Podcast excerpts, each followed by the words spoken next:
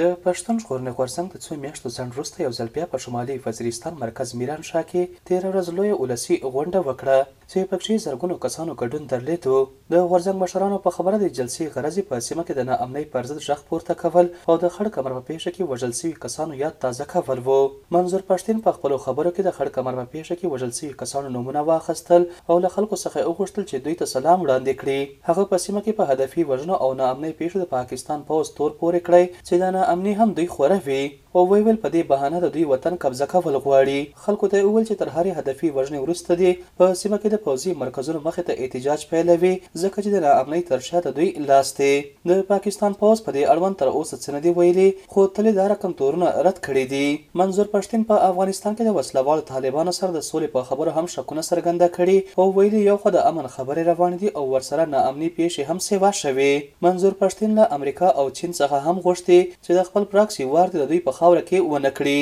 د غورځنګ ېو بل مخکښ مشر محسن داوړ ویلي، غورځنګ ېې هېڅ پوله نه لري او د لر او بر په وطن کې په حکمت او عدم تشدد سره د جګړې مخه نیسي. ګوهر وزیر چې یو ازاد خبریال دی وایي، دغه جلسه د تېرو جلسو پرتله ځنې حوالو سره ډېره بدله وه. هغه وویل، یو خو دا چې دغه جلسې کې د وروستیو جلسیو په پرتله زیاته ګڼه ګوڼه وه، خو د تحفظ لپاره په حکومتي کچه هیڅ انتظامات نه وو نیول شوي. هغه وویل، په دغه جلسه کې هم نارې وهل کیدې چې پکښې د لر او بر یو افغان ناره هم شامله وه. ګوهر وزیر په خبره د پي ټي ایم جلسو پر مهال عموماً موبایل او انټرنیټ تري جي او فور جي بند وي خو پرون په میرانشاه جلسه کې د ځمکنۍ ټلیفون یا لینډ لاین سرویس هم تړل شوی وو. هغه وویل، د تیرو جلسو په څیر دې جلسې ته هم پاکستانې مطبوعاتو کې ځای نه دی ورکړی شوی. زه فکر کوم ځکه زیات وو چې د تیرې څه مودې نه په شمالي وزیرستان کې بدامني ډیره زیاته شوې ده ټارګټ کی لږ زیات شوی دی نور هم خلک د مختلفو مشکلاتو سره مخ شوي دي هغوی سره چې کمې وعدې شوې وي هغه نه دي ترسره شوي بل د جنوبي پښتونخوا سوات په چوړ پورې خلک دلته راغلي وو دلته چې کم سکیورټي وو هغه نه زه په خپل مطمئن نه یم پښتون ژغورنې غورځنګ چې کوم روایتي نارې دي هغه هم پکې لګېدلې بل